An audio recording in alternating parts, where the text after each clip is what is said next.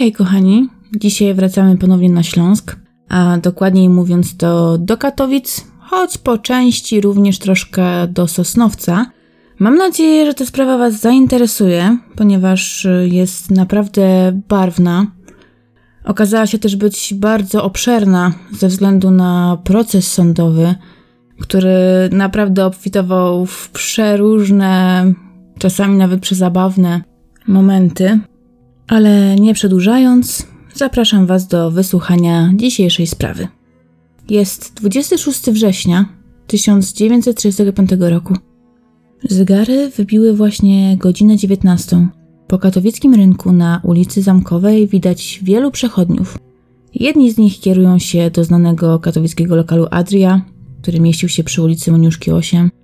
Inni udają się na spektakl do Teatru Polskiego. Dziś ulicę Moniuszki Zamkową według map Google dzieli jakieś 7 km. Ulica Moniuszki nadal znajduje się nieopodal rynku, Zamkowa w dzielnicy Janów-Nikiszowiec.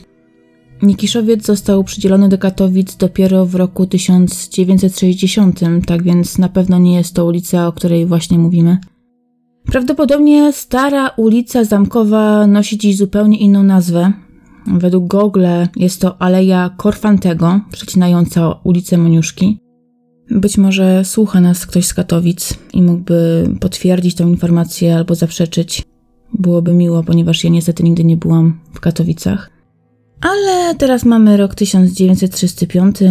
Nikt jeszcze nie wie, że ulice kiedykolwiek zmienią swoje nazwy.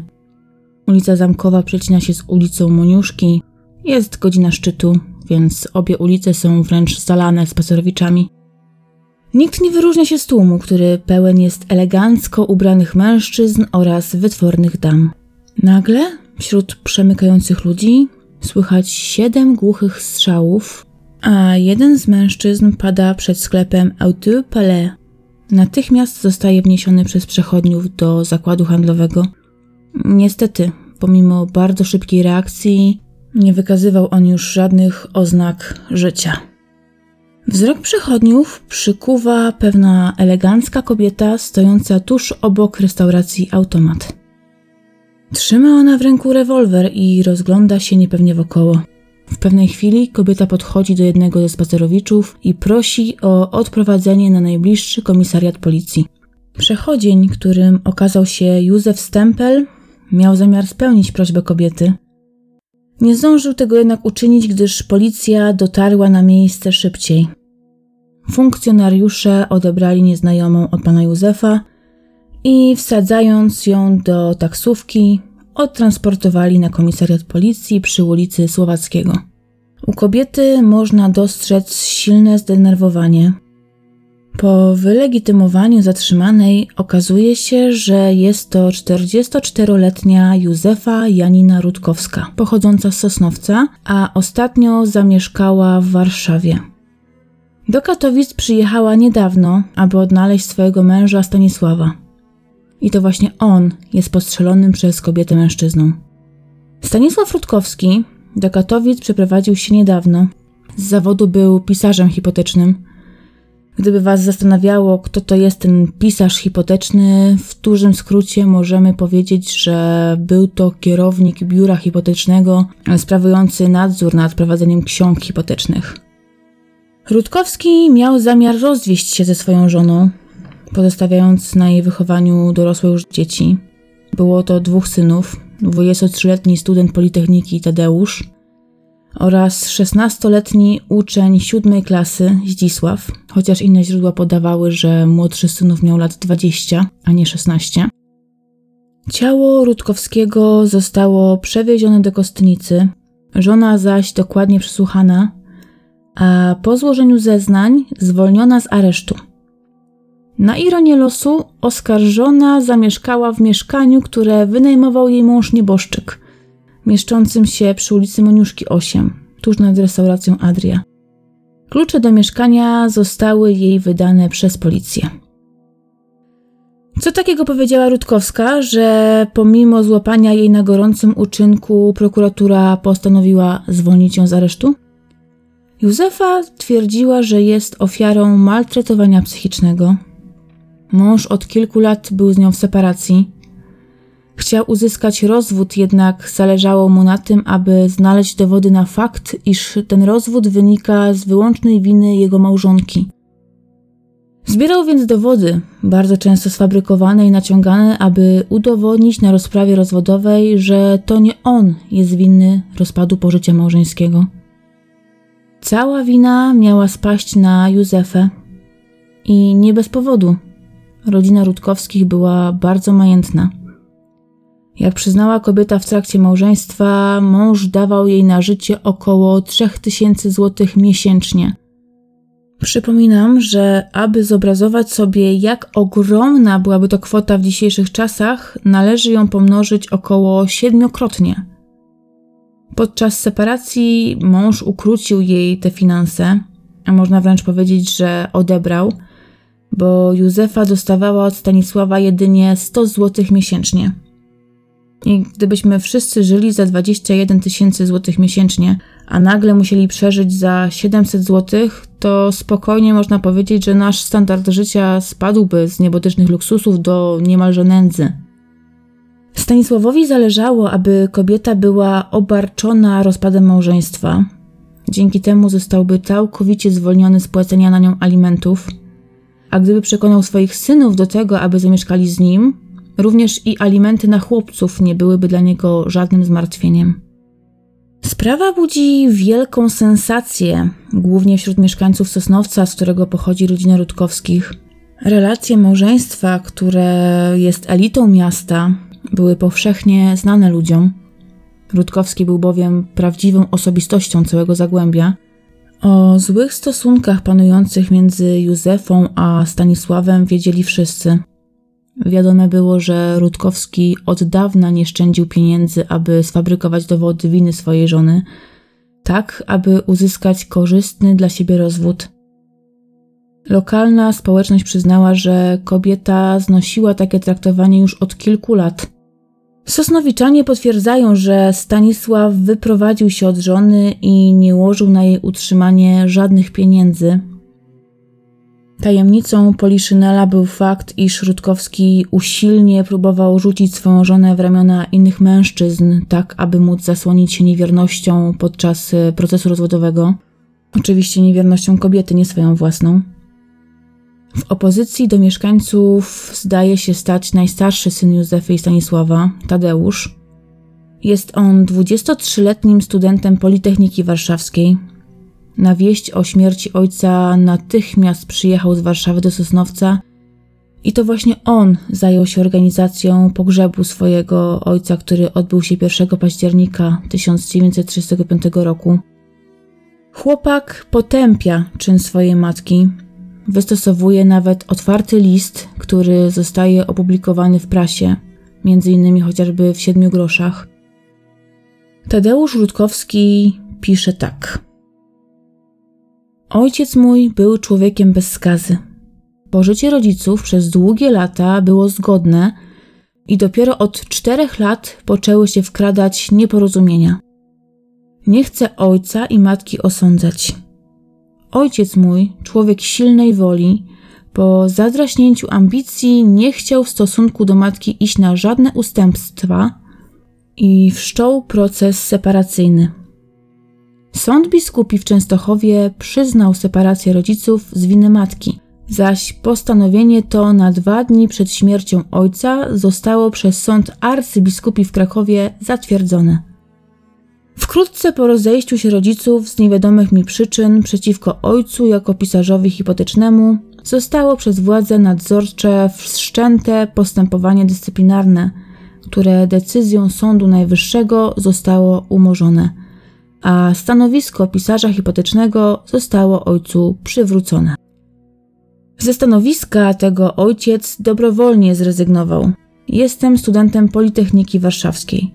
Ojciec przysyłał mi miesięcznie sumę niezbędną na utrzymanie i wykształcenie, a bratu memu, uczniowi siódmej klasy, przekazywał na opłacenie szkoły i ubranie. Według słów ojca, matka odchodząc zabrała wszystką gotówkę, którą rodzice posiadali w domu. Matka miała pieniądze, dzierżawiła pensjonat w Zakopanem i prowadziła bardzo kosztowny proces z ojcem. Poza placem przy ulicy Sienkiewicza ojciec posiadał niewielkie oszczędności, które od czasu wyjścia ze służby zmalały. Zarzuty, że ojciec był skąpy i matka pozostawała w biedzie, odpadają. Człowiek poważny nigdy nie będzie usprawiedliwiał zabójstwa, a ten wypadek jest tym gorszy, że strzeliła kobieta do męża, do ojca swoich dzieci. Podpisano Tadeusz Rutkowski. List ten stał w całkowitej sprzeczności z zeznaniami Rutkowskiej. Można wręcz powiedzieć, że oddalał jej zarzuty względem męża. Nic więc dziwnego, że odczytanie takiego listu napisanego przez własnego syna odbiło się na zdrowiu Józefy. Kobieta w silnym rozstroju nerwowym została odtransportowana do szpitala miejskiego w Katowicach. Gazety informowały, że stan Rutkowskiej był poważny.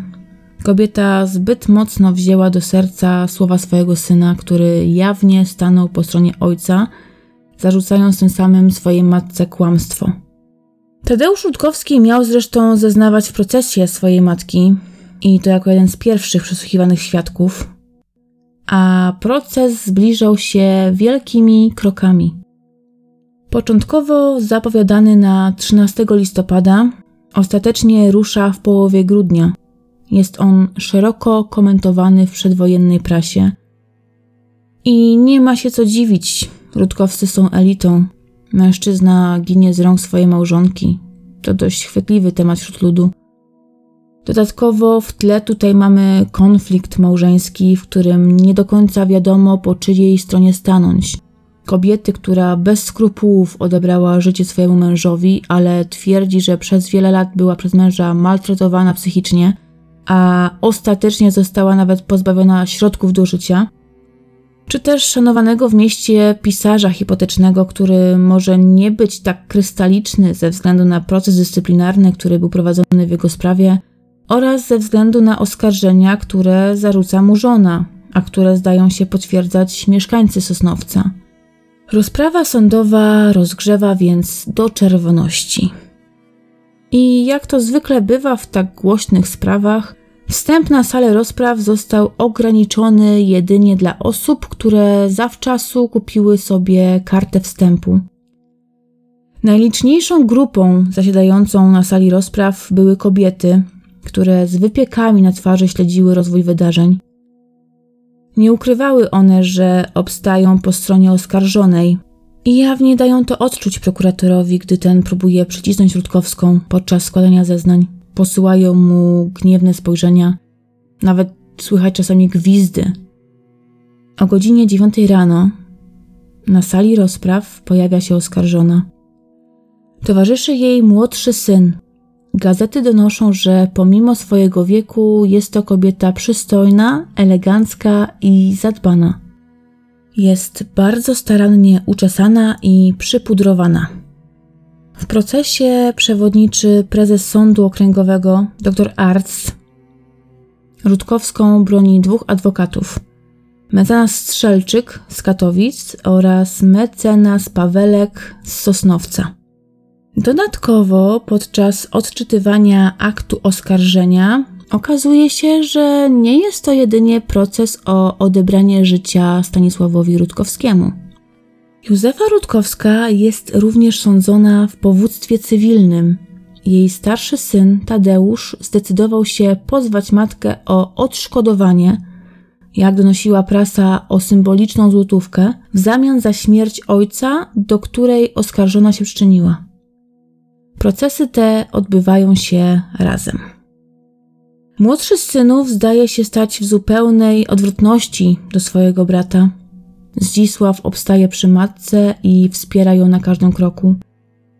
Nie ukrywa, że w całym sporze rodzinnym uważa, że to właśnie matka jest osobą pokrzywdzoną, a śmierć ojca jest jedynie przykrą konsekwencją, do którego doprowadziło zachowanie ojca na przestrzeni lat.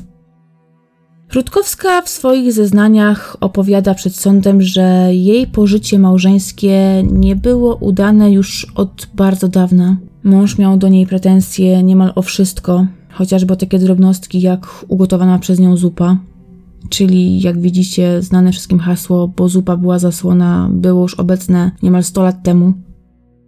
Rutkowska zostaje pouczona przez prokuratora, że nie znalazła się na sali rozpraw, aby mówić o niesnaskach w małżeństwie, ale o zbrodni, której dokonała. Słowa oskarżyciela powodują u Józefy niepohamowany szloch.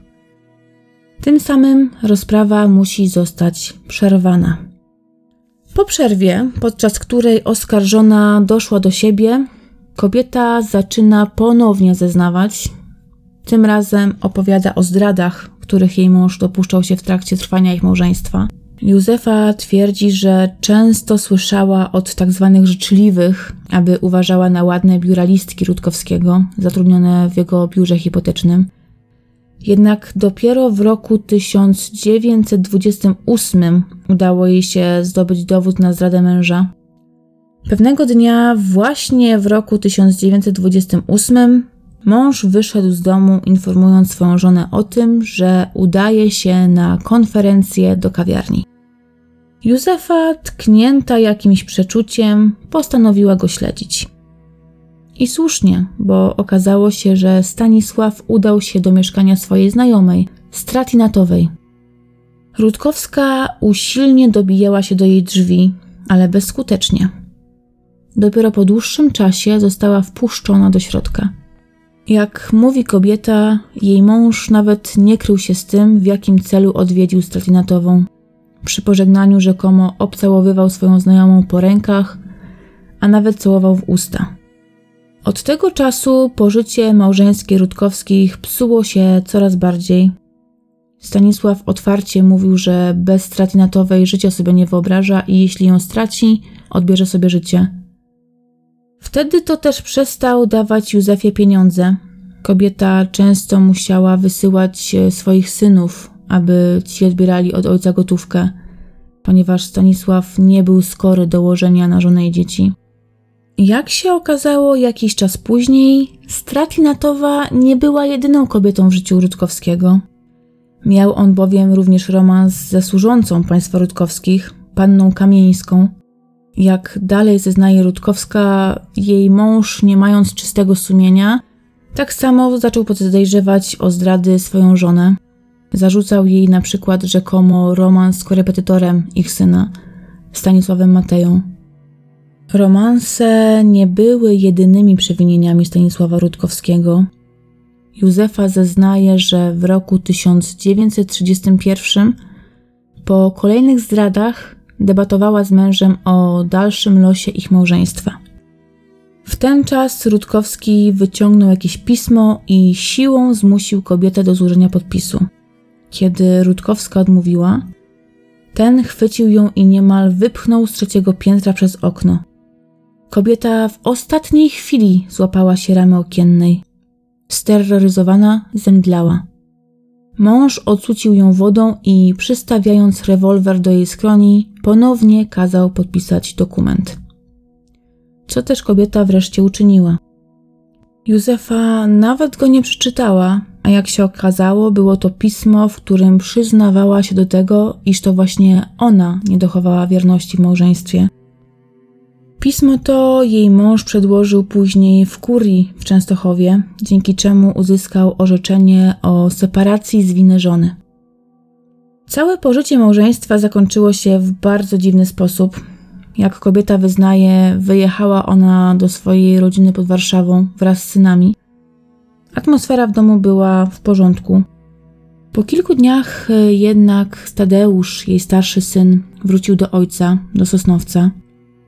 I choć jej relacje z synem były serdeczne, kobieta nagle otrzymała od niego list, w którym ten oświadczył jej, że ona jako matka już dla niego nie istnieje, a on sam się jej wyrzeka.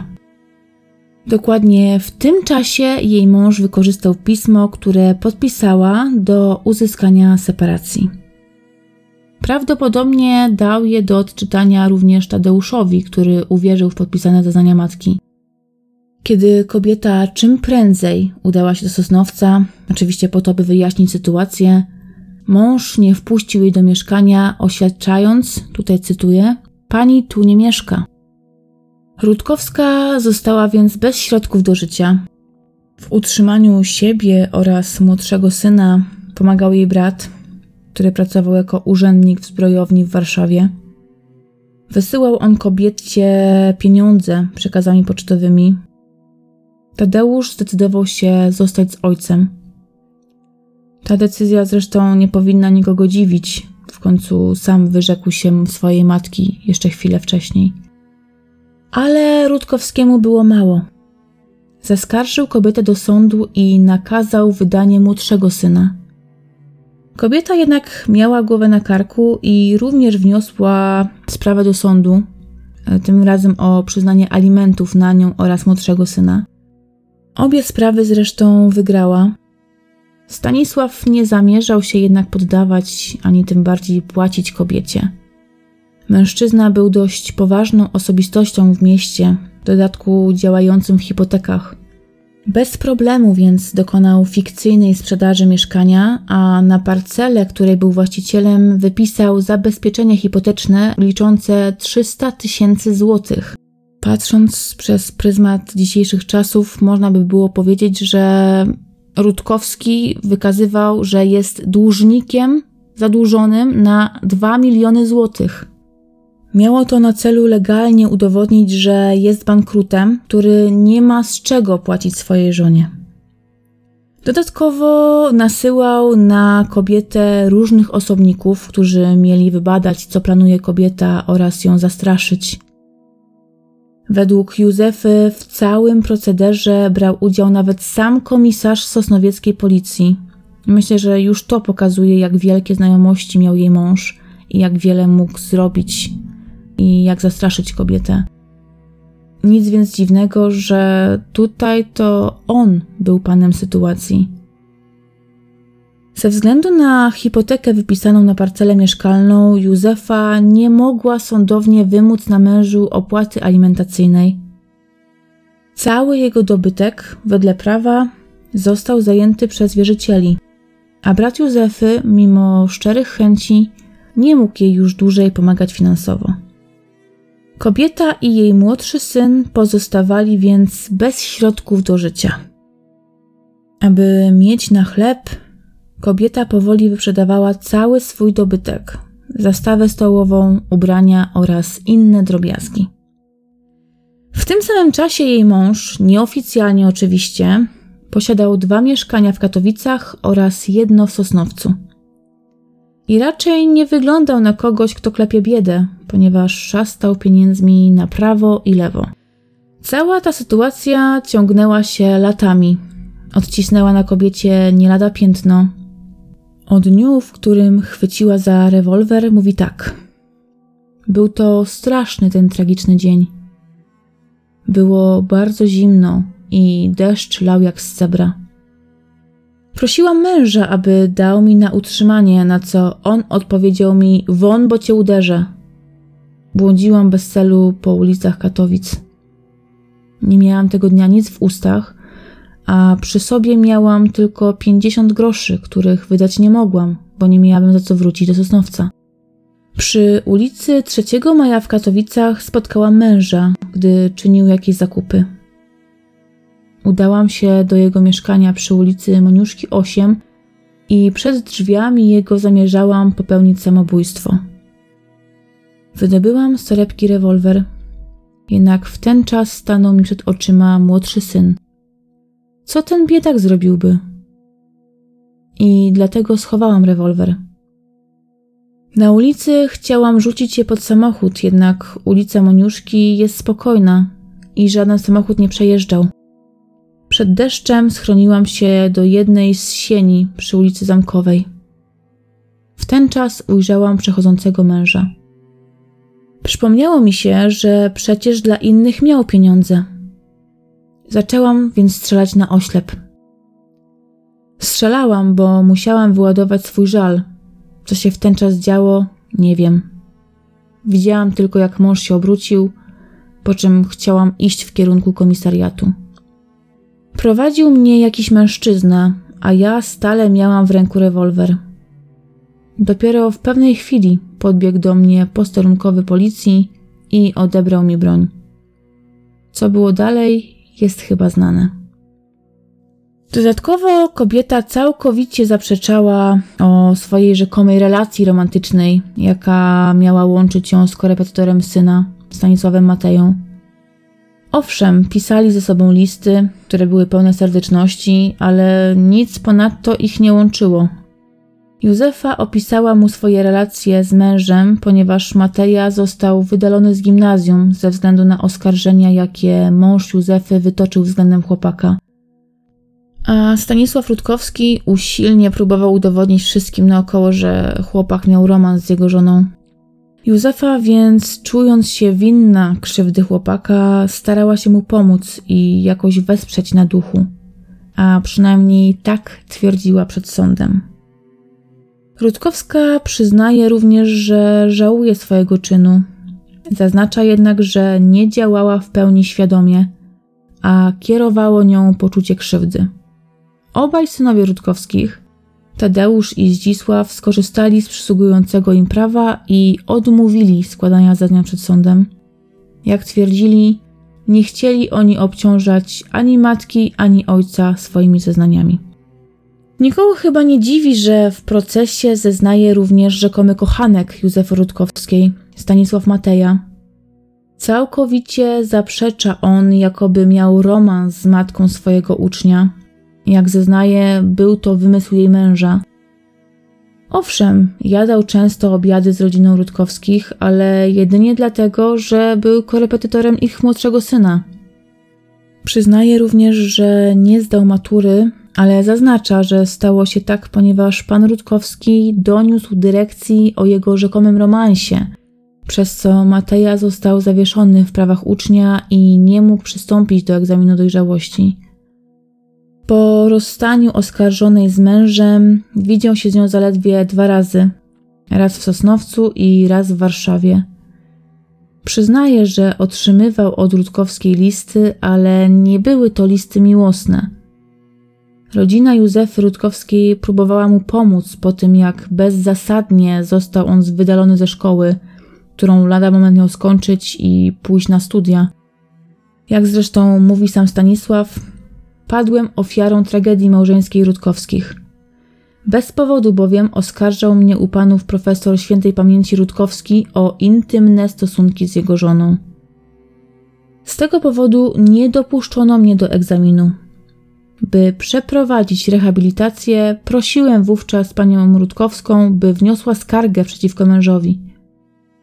Spodziewałem się tą drogą oczyścić od zarzutów siebie i panią Rutkowską. Świadek zeznał również, że nieżyjący już Stanisław Rutkowski usilnie starał się zdobyć dowody na romans chłopaka ze swoją żoną za pomocą osób trzecich podstępem chciał doprowadzić do spotkań Matei i pani Rutkowskiej, aby mieć dowody na to, że ci rzekomo spotykali się potajemnie i miało to świadczyć o ich romansie. W procesie zeznawał również Kamiński, brat kochanki Rutkowskiego, służącej, oraz Skwarek, współpracownik Rutkowskiego. Obaj oni podkreślali, że pożycie małżeńskie Rutkowskich było bardzo złe przy czym według nich oboje mieli swoje za uszami, a całe to małżeństwo było jedną wielką chodzącą intrygą. Zarówno Józefa, jak i Stanisław próbowali ugrać jak najwięcej. Rutkowska miała zlecić Kamińskiemu pobicie jej męża, a Rutkowski zaś płacił mu za to, aby ten zbierał dowody na swoją jeszcze obecną, choć jak miał nadzieję Stanisław, wkrótce byłą małżonkę.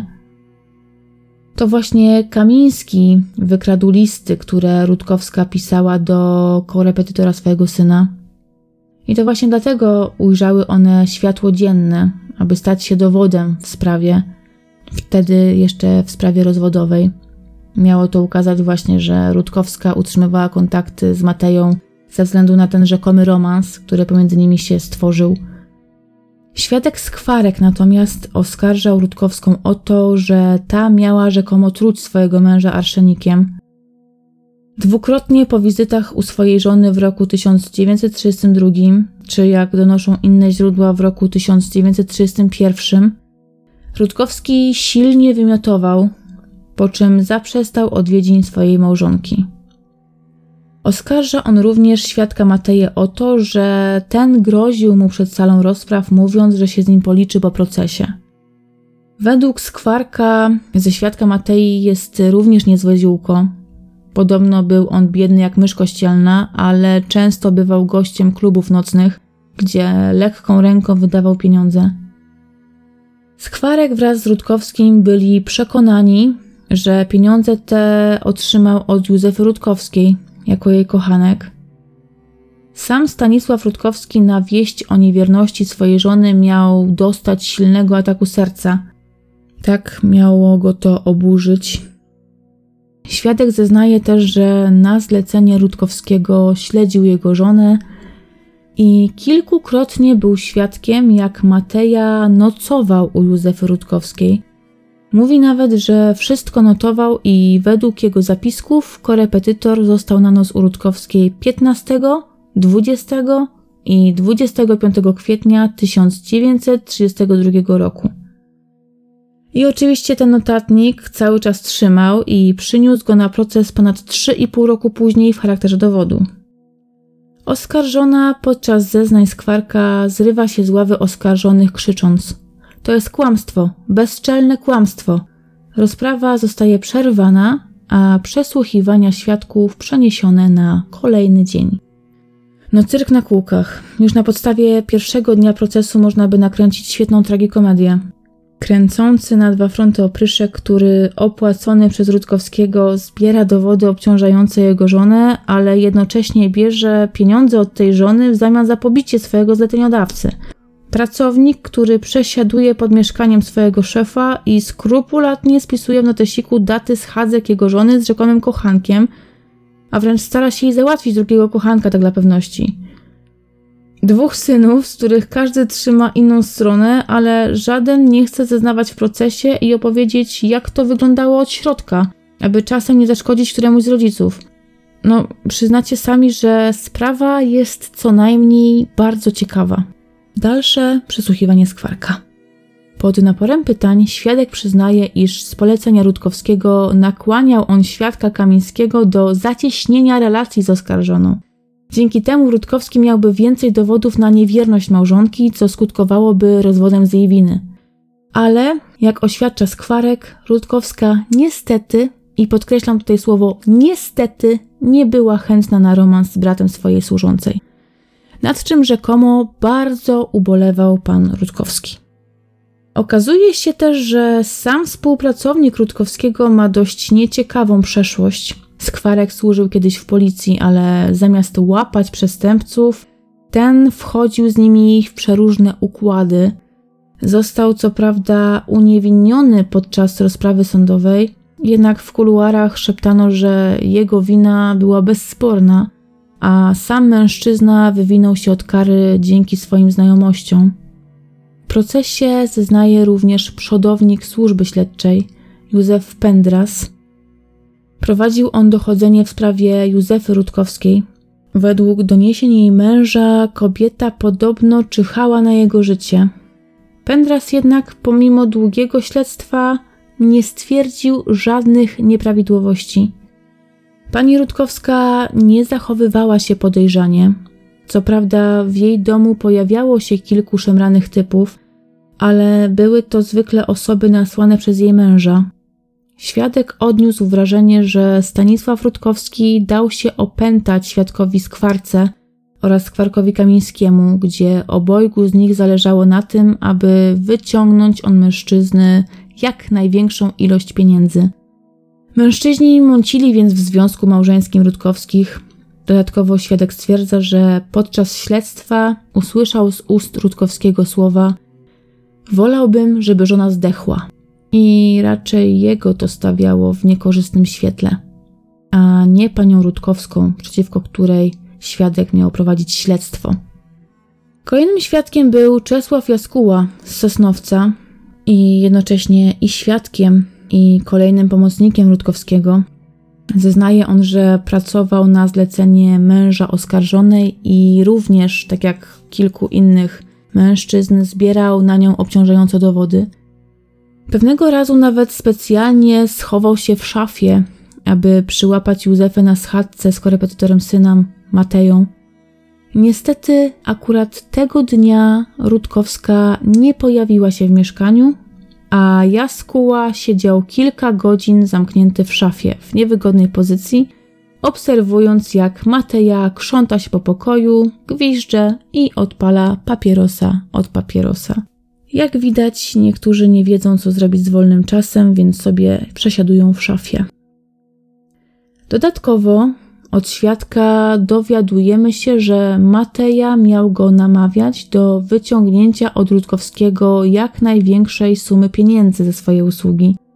Sąd postanowił skonfrontować to ze świadkiem Mateją i zapytać o całą sprawę. Ten potwierdził słowa Jaskuły, ale jak mówił, tutaj cytat, Byłem przez Rutkowskiego moralnie gnębiony, i dlatego chciałem, by przynajmniej na tym zarobili biedni ludzie, którzy stali na jego usługach wywiadowczych. W charakterze świadków występują również mieszkańcy Sosnowca, którzy mieli większy lub mniejszy kontakt z Rutkowskimi. Nie będę tutaj wymieniać imienia nazwiska, bo nie ma to sensu. Wszyscy oni wystawiają natomiast Stanisławowi Rutkowskiemu niepochlebną opinię, Mężczyzna próbował przekupić wielu z nich, aby zbierali tak zwane haki na Rutkowską. Świadek Zygmunt Iliczko opowiada nawet o tym, że starszy syn pary, Tadeusz, miał za zadanie szpiegować matkę, gdy ta przebywała w Warszawie. Dzięki temu otrzymywał od ojca wynagrodzenie pieniężne. Felix Kwiatkowski, Brat oskarżonej, zeznając, oświadcza, że pomagał finansowo siostrze, gdy ta była w sporze ze swoim mężem.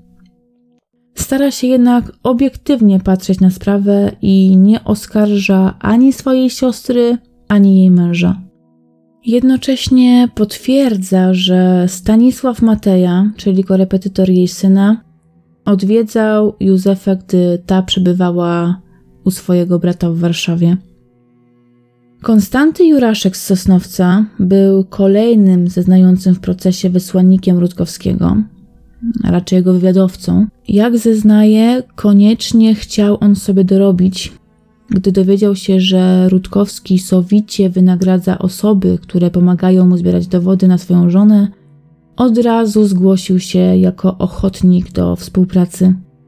Juraszek miał dostać od Rutkowskiego 30 tysięcy złotych za poświadczenie przed sądem biskupim w Częstochowie, jak widział, że Józefa Rutkowska całuje się i obściskuje z Mateją. Przyznaje jednak teraz przed sądem, że historie o łączącej relacji Rutkowskiej i Matei zostały całkowicie przez niego zmyślone. Po prostu bardzo zależało mu na zdobyciu tak wielkiej sumy pieniędzy, więc wymyślił sobie, że był rzekomym świadkiem schadzki żony Rutkowskiego. Nie obchodziło go tym samym to, że niszczy życie niewinnej kobiecie oraz niewinnemu chłopakowi. Ważne przecież było to, że zostanie sowicie wynagrodzony. No ale nie od dziś wiadomo, że za pieniądze można kupić niemalże wszystko. Ostatnim ze świadków jest siostra Stanisława Rutkowskiego, Franciszka Stanikowa. Kobieta nie ukrywa, że obstaje przy stronie swojej szwagierki, która zawsze była żoną dobrą i przykładną. O swoim bracie kobieta zaś wypowiadała się w samych negatywach. Została nawet za to upomniana przez sędziego, że o zmarłych nie powinno się mówić aż tak źle – na co kobieta bez skrępowania odparła, że nie może cofnąć swoich słów, gdyż jej brat był po prostu bardzo złym człowiekiem. Na tym kończy się przesłuchiwanie świadków. Przed wygłoszeniem mów końcowych sąd wyprosił całą zgromadzoną widownię. Jak wspomniałam na wstępie, znakomita większość zgromadzonych na sali to były kobiety, które traktowały proces Rutkowskiej troszkę jak jakiś świetny serial, który mogły sobie śledzić. Obserwowały więc z wypiekami na twarzy zeznania świadków, gwizdały, pokrzykiwały, a nawet oklaskiwały obrońców Rutkowskiej. Zostały więc wyproszone z sali rozpraw, aby nie zakłócać przebiegu rozprawy. Na sali pozostali jedynie zeznający w procesie świadkowie oraz ich rodziny. Prokurator w swojej mowie końcowej starał się podkreślić, że cały proces kręcił się wokoło przewinienia Rutkowskiego, choć to przecież nie on zasiada na ławie oskarżonych, ale jego żona. Oskarżyciel potępił czyn Józefy Rutkowskiej, twierdząc, że bez względu na relacje, jakie panowały między małżonkami, żadne z nich nie powinno samo wymierzać kary i strzelać do drugiej osoby i do w dodatku w centrum miasta. Również mecenas powództwa cywilnego, reprezentujący Tadeusza Rutkowskiego, podkreślał przed sądem swojej mowy końcowej, jak wielką krzywdę moralną wyrządziła oskarżona swojemu starszemu synowi. Odebrała mu bowiem ojca, a na sali rozpraw nie wykazała z tego powodu żadnej skruchy. Tadeusz podczas mowy końcowej swojego mecenasa płacze, szlocha i ukazuje, jak bardzo jest mu ciężko po stracie swojego ojca. Nie wiem tutaj tylko, czy bardziej opłakiwał śmierć ojca, czy jego pieniędzy. Oczywiście w opozycji staje obrona oskarżonej. Zdaniem adwokatów Rutkowskiej Stanisław padł ofiarą własnych intryg. Próbował zrobić ze swojej żony zbrodniarkę, no i w końcu mu się to udało. Nie przypuszczał jednak, że sam stanie się jej ofiarą w dosłownym tego słowa znaczeniu. Oskarżona w swoim ostatnim słowie poprosiła sąd o łagodny wymiar kary. Twierdziła, że działała pod wpływem silnego impulsu i wzburzenia. I sąd przychylił się do jej prośby, ponieważ po naradzie skazał kobietę na dwa lata więzienia w zawieszeniu na pięć lat. Rutkowska więc po opuszczeniu sali była wolną kobietą, z wyrokiem co prawda, ale wolną. Mało tego, sąd oddalił powództwo syna Tadeusza, tak więc matka nie musiała oddawać mu choćby grosza z należytego jej spadku po mężu, a raczej z części spadku po mężu. Sąd swoją decyzję uargumentował faktem, iż Józefa Rutkowska znajdowała się pod silną depresją psychiczną. Stan ten wywołało w niej zachowanie jej męża oraz rodzonego syna, który wyrzekł się matki w zamian za pieniądze, którymi opłacał go ojciec. Dodatkowo żałowała swojego czynu, co było kolejną okolicznością łagodzącą. Jak stwierdził sąd, została już ukarana przez życie, więc nie potrzeba jej dokładać jeszcze większej kary. Oczywiście taki werdykt nie spodobał się prokuraturze, która od razu zapowiedziała złożenie wniosku o proces apelacyjny. Zresztą taki sam wniosek złożył Tadeusz, syn oskarżonej, ponieważ raczej nie zadowalało go to, że jego matka nagle stanie się osobą wolną i w dodatku będzie mogła dysponować częścią spadku po jego ojcu. Wiecie, ta symboliczna złotówka, prawda? I cała ta sprawa, choć bezspornie tragiczna, dla mnie była również naprawdę komiczna. Trzeba przyznać, że pan Rutkowski miał niezłą fantazję, a jego działania, aby zdyskredytować swoją żonę oraz puścić ją z torbami, były tak fantazyjne, że można by na podstawie tej historii napisać niezły scenariusz filmowy. Wywiadowcy schowani w szafie, kamuflowanie swojego majątku, wypisywanie hipoteki na swoje, swój majątek, młody kochanek, który był niekochankiem, wymuszanie zeznań pod groźbą wyrzucenia przez okno, zwaśnieni synowie, którzy nie potrafili wybrać, po której stronie stanąć. No, na wspólnej może się schować. Nic więc dziwnego, że tamtejsze damy oglądały cały proces jak dobry serial. I jeżeli myślicie tutaj, że proces apelacyjny zakończy to całe kuriozum, to jesteście w grubym błędzie. Sąd apelacyjny rozpoczyna proces Józefy Janiny Rutkowskiej 2 grudnia 1936 roku i niemal od razu przesuwa rozprawę na późniejszy termin. Powód? Obrona postanowiła wnieść o zbadanie oskarżonej przez biegłych lekarzy. Po co? Ano po to, aby lekarze orzekli, czy aby Rutkowska strzelając do męża nie działała w silnym zaburzeniu psychicznym, które wykluczało w niej zdolność kierowania swoim postępowaniem ze względu na, uwaga, uwaga, okres menstruacji. I słuchajcie, ja wiem, że to się działo ponad 90 lat temu, że były inne czasy i inaczej patrzono na pewne sprawy, ale silne zaburzenie psychiczne z powodu menstruacji? Kurczę, no. Idąc tym tropem, każda z nas mogłaby bez konsekwencji pozbawić życia lub przynajmniej zdrowia naszego partnera, lub co byłoby jeszcze lepsze, byłego partnera, i zasłonić się silnym zaburzeniem psychicznym wywołanym przez menstruację. Ale wiecie, co w tym jest najśmieszniejsze? Że sąd naprawdę przychylił się do tego wniosku. Rutkowska została wysłana na półroczne badanie w zakładzie psychiatrycznym, gdzie biegli debatowali nad jej poczytalnością w trakcie okresu menstruacji. No, ale widocznie badanie biegłych nic nie wykazało, ponieważ 2 czerwca 1937 roku Józefa Rutkowska ostatecznie została skazana przez sąd wyższej instancji na 3 lata pozbawienia wolności. Tym razem była to kara bez zawieszenia. Ale równocześnie sąd apelacyjny na mocy amnestii pomniejszył skazanej karę o połowę. Rutkowska musiała więc odsiedzieć w więzieniu jedynie półtora roku, co i tak było karą bardzo łagodną, jak za odebranie komuś życia w centrum miasta. Niestety gazety nie donoszą tutaj, jak potoczyła się sprawa, którą z powództwa cywilnego założył matce Tadeusz Rutkowski.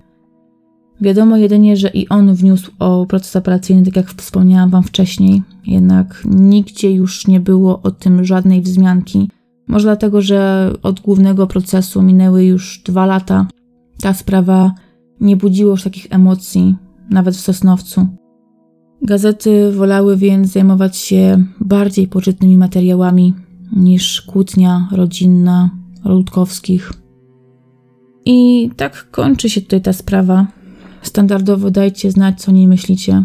Może to mało profesjonalne z mojej strony, ale ja miałam momentami naprawdę niezły ubaw czytając zeznania świadków. Co oczywiście nie umniejsza tragedii, która spotkała rodziny Rutkowskich. Nie mogę jednak oprzeć się wrażeniu, że tutaj w tej historii wszyscy po części kręcili na siebie bat.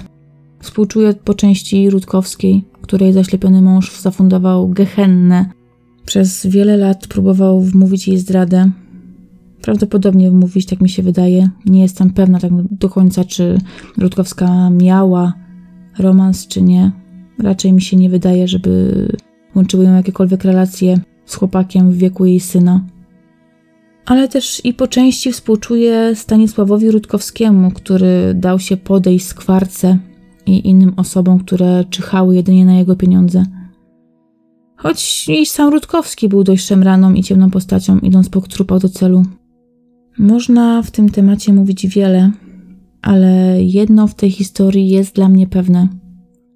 I jestem tutaj ciekawa, czy się ze mną zgodzicie. W moim odczuciu niemal wszystkie postacie występujące w tej historii kierowały się przeogromnym egoizmem, Rutkowskiemu zależało na pozostawieniu swojego majątku tylko do swojej własnej dyspozycji, tak aby żona nie mogła z niego korzystać. Rutkowskiej zależało na jak najwyższych alimentach na siebie. Podobnie Tadeuszowi Rutkowskiemu również zależało na tym, aby uzyskać jak najwięcej pieniędzy od swojego własnego ojca. Już nie wspomnę tutaj o świadkach i współpracownikach czy wysłannikach Rutkowskiego, którzy myśleli tylko o tym, aby ugrać jak najwięcej dla siebie. Raczej nie sądzę, żeby wolontaryjnie tutaj wchodzili do szafy i szpiegowali Rutkowską tylko po to, aby pomóc biednemu Stanisławowi. Wiadomo tutaj było, że chodziło o naprawdę pewnie grube pieniądze. Jeżeli jeden ze świadków uzyskał tutaj 30 tysięcy złotych w zamian za to, że zeznał przed sądem, jak widział romans Rutkowskiej, no to można tylko podejrzewać, że za inne rzeczy inną pomoc Rutkowski płacił jeszcze lepiej i jeszcze więcej, zwłaszcza jeżeli to była pomoc wieloletnia. I tak naprawdę egoizm wszystkich tych postaci ostatecznie doprowadził do naprawdę ponurego finału. Próbowałam Wam też y, odnaleźć jakieś zdjęcia lub informacje na temat tej sprawy, nie tylko z artykułów prasowych, ale myślę, że sami rozumiecie, że hasło Rutkowski i Sosnowiec y, raczej nie odnosi nas do tej sprawy, o której Wam opowiedziałam. Praktycznie wszystkie strony odnosiły mnie do sprawy małej Madzi i naszego wspaniałego detektywa. I trochę się dziwię, że o tej sprawie nie ma nic w internecie, bo naprawdę była bardzo, bardzo ciekawa. Mam nadzieję, że Wy uważacie tak samo. Dajcie znać, co o niej myślicie. A ja standardowo się z Wami żegnam. Zapraszam na grupę na Facebooku. Jest nas tam już prawie tysiąc osób, co dla mnie jest wielkim szokiem. Dzięki wielkie.